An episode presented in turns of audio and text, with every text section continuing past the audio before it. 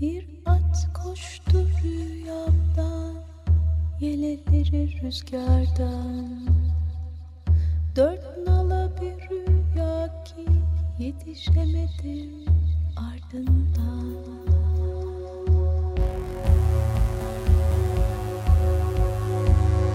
Ebedi yok oluş. Forever extinct. Hazırlayan ve sunanlar Virginia Patrone ve Çiğdem Fidan.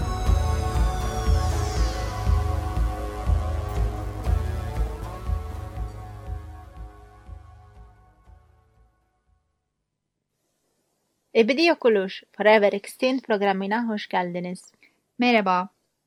1816 yılında ileri görüşlü olduğu su götürmez 18 yaşındaki bir kız çocuğu hemen 2 yıl sonra yayımlanacak bir hikaye yazmaya başladı. Hikaye toplumumuzun ve modern zamanların en güçlü metaforlarından biriydi ve günümüze kadar güncelliğini korudu. Hatta inanılmaz bir biçimde yıllar geçtikçe daha da anlamlı hale geldi. Mary Shelley ve onun en bilindik kitabı olan Frankenstein ya da Yeni Prometheus'tan bahsediyoruz.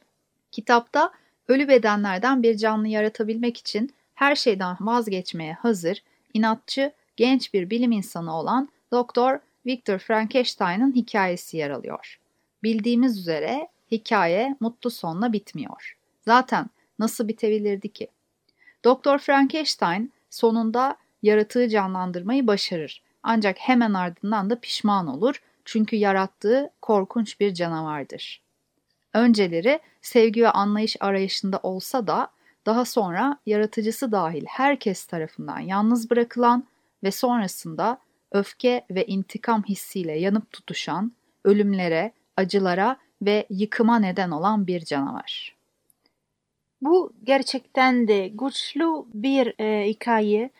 Çünkü aslında hepimiz hakkında, günümüz toplumu hakkında bir şeyler söylüyor. Günümüzde Frankenstein'larımız olarak tabir edebileceğimiz pek çok şey var. Gerçekleşmelerini çok istediğimiz, hayata geçtiklerinde ise özellikle hayal gücümüzün yoksunluğundan, bilgi eksikliğimiz, ön yargılarımız ve kibrimiz yüzünden beklentimizden çok daha farklı yerlere varan birçok olgu var. Mary Shelley'nin kitabındaki hikayeye benzer bir olay, nesli tükenen canlılar aleminden de gerçekleşti. Nesli tükenen canlıların hayata e, döndürülmesinden bahsediyoruz. Bilim insanları uzun süredir bunun hakkında konuşuyorlardı ve geçmişte belki de bir bilim kurgu filminin senaryosu olarak algılanabilecekken şu anda bu hayata geçirilebiliyor. Örneğin 2000 yılında nesli tükenen Pirene dağ keçisi yaşayan son bireyin kulağından alınan hücreler kullanılarak 2009'da klonlandı. Celia adındaki dişi Pirene dağ keçisinden alınan doku örnekleri sıvı nitrojen içinde korunuyordu. Saf Pirene dağ keçisi yavruları elde etmek amacıyla evcil bir keçiden Capra hircus'tan alınan yumurtanın hücre çekirdeği çıkarıldı. Elde edilen embriyolar taşıyıcı annelere yerleştirildi. 7-8 keçi hamile kaldı ama sadece bir tanesi doğum yaptı. Ancak bu klon yavru yalnızca 7 dakika hayatta kalabildi. Akciğer yetmezliğinden ötürü öldü. Bu başarılı bir deney değildi. Ancak bu hikayenin sonu demek de değil. Bu uğurda daha çok çalışma yapılacak. Üstelik yalnız dağ keçisi için değil, örneğin çok uzun süre önce nesli tükenen mamutlar içinde. Nesli tükenen canlıların hayata döndürülmesi garip görünen bir süreç ve sonuç belki de Victor Frankenstein'ın hikayesindeki gibi olabilir. Böyle düşünmemizin ise pek çok nedeni var. Her şeyinden önce, önceki programlarımızdan da e, bildiğimiz üzere bir türün neslinin tükenmesine bir şeyler sebep olur. Ya insanlar bu canlıları farklı farklı amaçlarla sürdürülemez biçimde katletmişlerdir ya da bu canlıların yaşam alanları iklim krizi ya da insanların bölgeyi yoğun kullanımları nedeniyle daralmıştır. ya da başka felaketler nesillerinin tükenmesine neden olmuştur.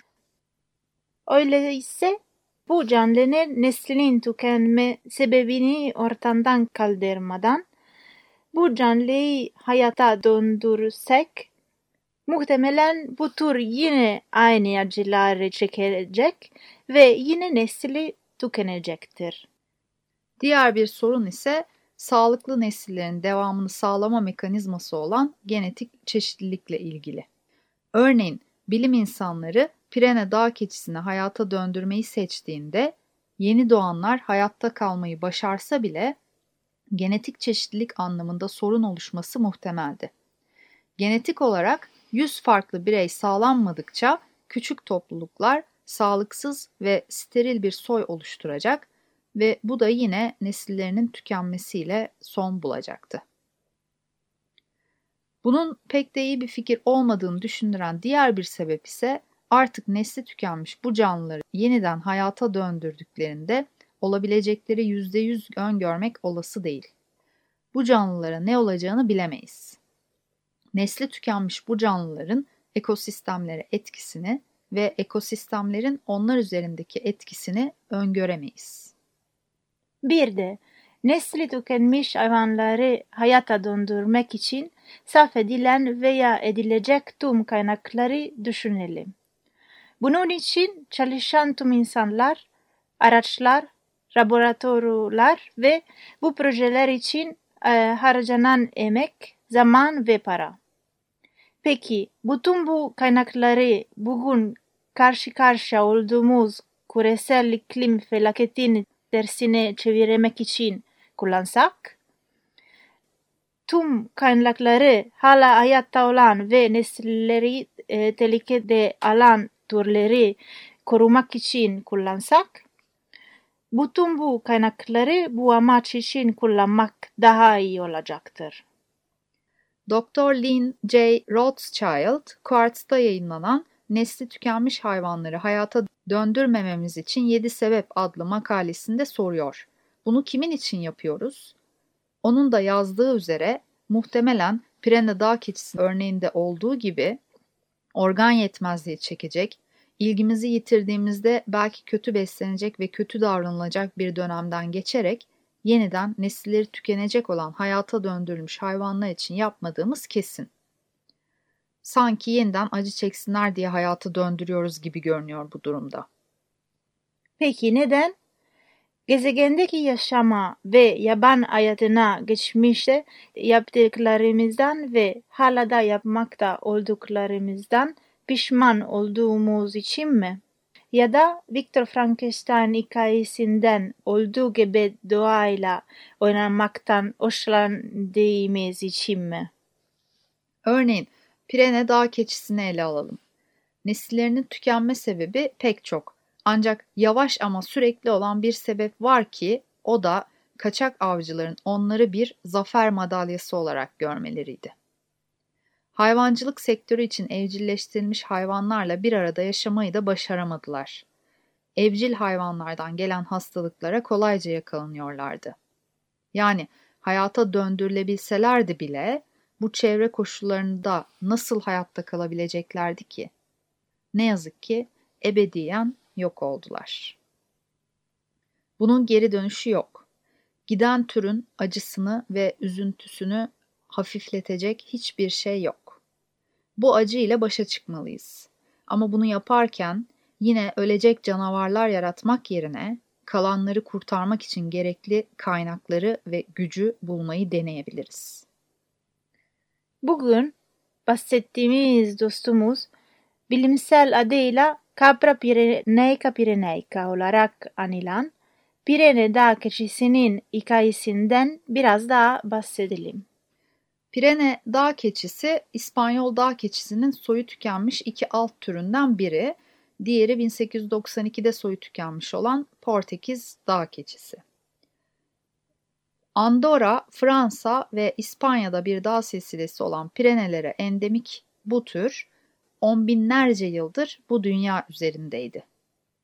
Bu saydığımız ülkelerde 50 binin bulan nüfusları vardı. 1900'lerin başlarında sayıları yüzün altına düşmüştü ve 6 Ocak 2000'de Celia adlı dişi dağ keçisinin düşen bir ağacın altında kalarak ölmesiyle nesilleri tamamen tükendi. Prene dağ keçisinin uzun boynunun etrafında kısa tüylü bir kürkü vardı. Kışın ise dağların soğuğuna dayanıklı olacak şekilde tüm vücudu daha uzun tüylerle kaplanıyordu. Erkeklerin boynuzları çok büyüktü, kalındı, pürüzlü bir yüzeye sahipti, yarım spiral bir büklüm oluşturuyordu. Dişilerinki ise kısa ve silindirikti. Pirene dağ keçileri uçurumlu taşlık arazilerde ve maki veya çam ağaçları ile kaplı kayalıklarda yaşıyorlardı. Aynı zamanda mevsime bağlı göç ediyorlardı. Çiftleşme zamanları olan ilkbaharda dağların yükseklerine çıkarlardı. Dişiler Mayıs aylarına denk gelen doğum sürecinde inzivaya çekilir ve genellikle tek yavru doğururlardı. Kışları ise dağların karla kaplı olmayan yamaçlarına geri dönerlerdi.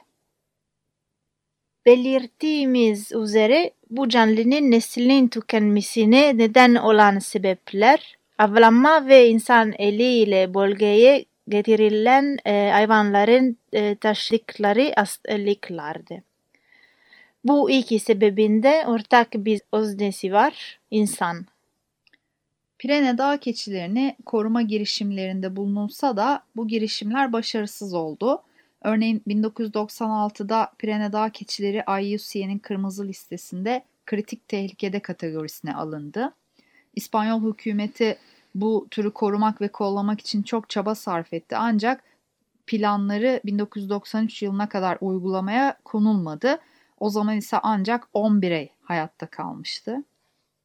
Son erkeğin ölümünün ardından Pirene dağ keçilerinin dişileri farklı bölgelerden Pirenelere getirilen Capra prenica hispanica türüne ait erkeklerle çiftleştirilmeye çalışıldı.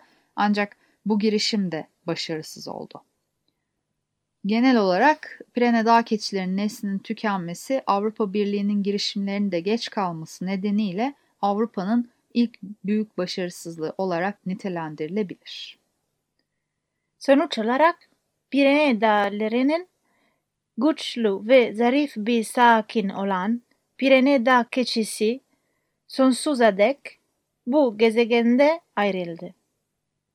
Bunu kabul etmek çok üzücü ve zor.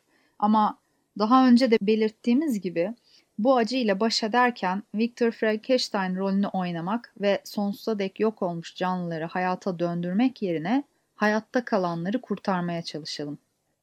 Ne de olsa bizi bu çevresel krize sürükleyen düşünce tarzı ile nesli tükenmiş bir türü hayata döndürmek isteyen düşünce tarzı aynı temellere dayanıyor. Dinlediğiniz için teşekkür ediyoruz. Programın illüstrasyonlarını sosyal medyada paylaşacağız.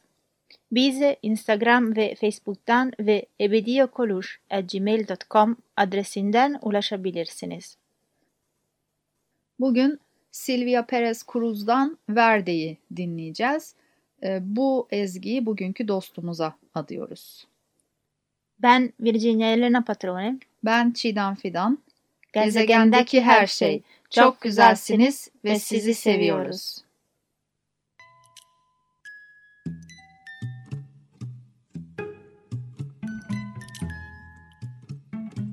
Reina de la morería, no estés triste como el tigre, pon sonrisa de planeta, que serán tus mañanitas guapa, princesa y coqueta, corona de margaritas. Verde, verde esperanza del trigo verde, verde bonanza, verde del cocodrilo de Monteverde, ciudad esmeralda te quiero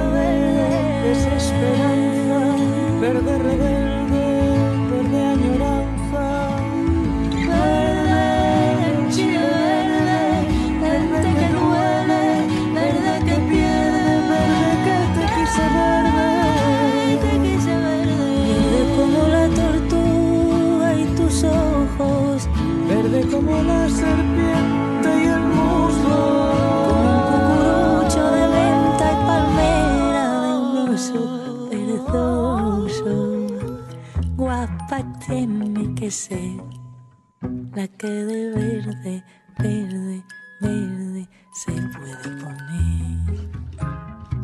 Guapa tuvo que ser, la que de verde, verde, verde se pudo poner. Guapa tuvo que ser, la que de verde, verde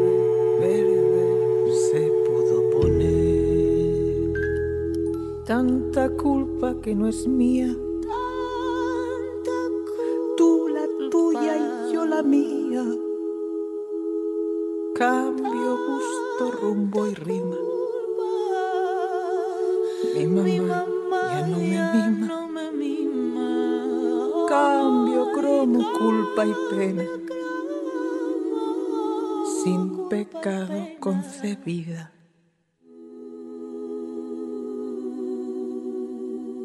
Reina de la morería.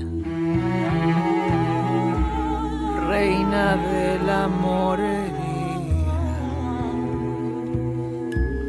Reina de la morería. Reina de la morería.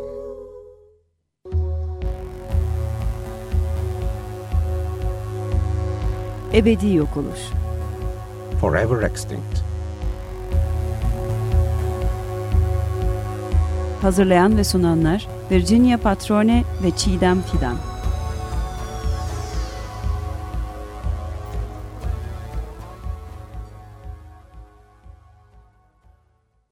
Açık Radyo program destekçisi olun. Bir veya daha fazla programa destek olmak için 212 alan koduyla 343 41 41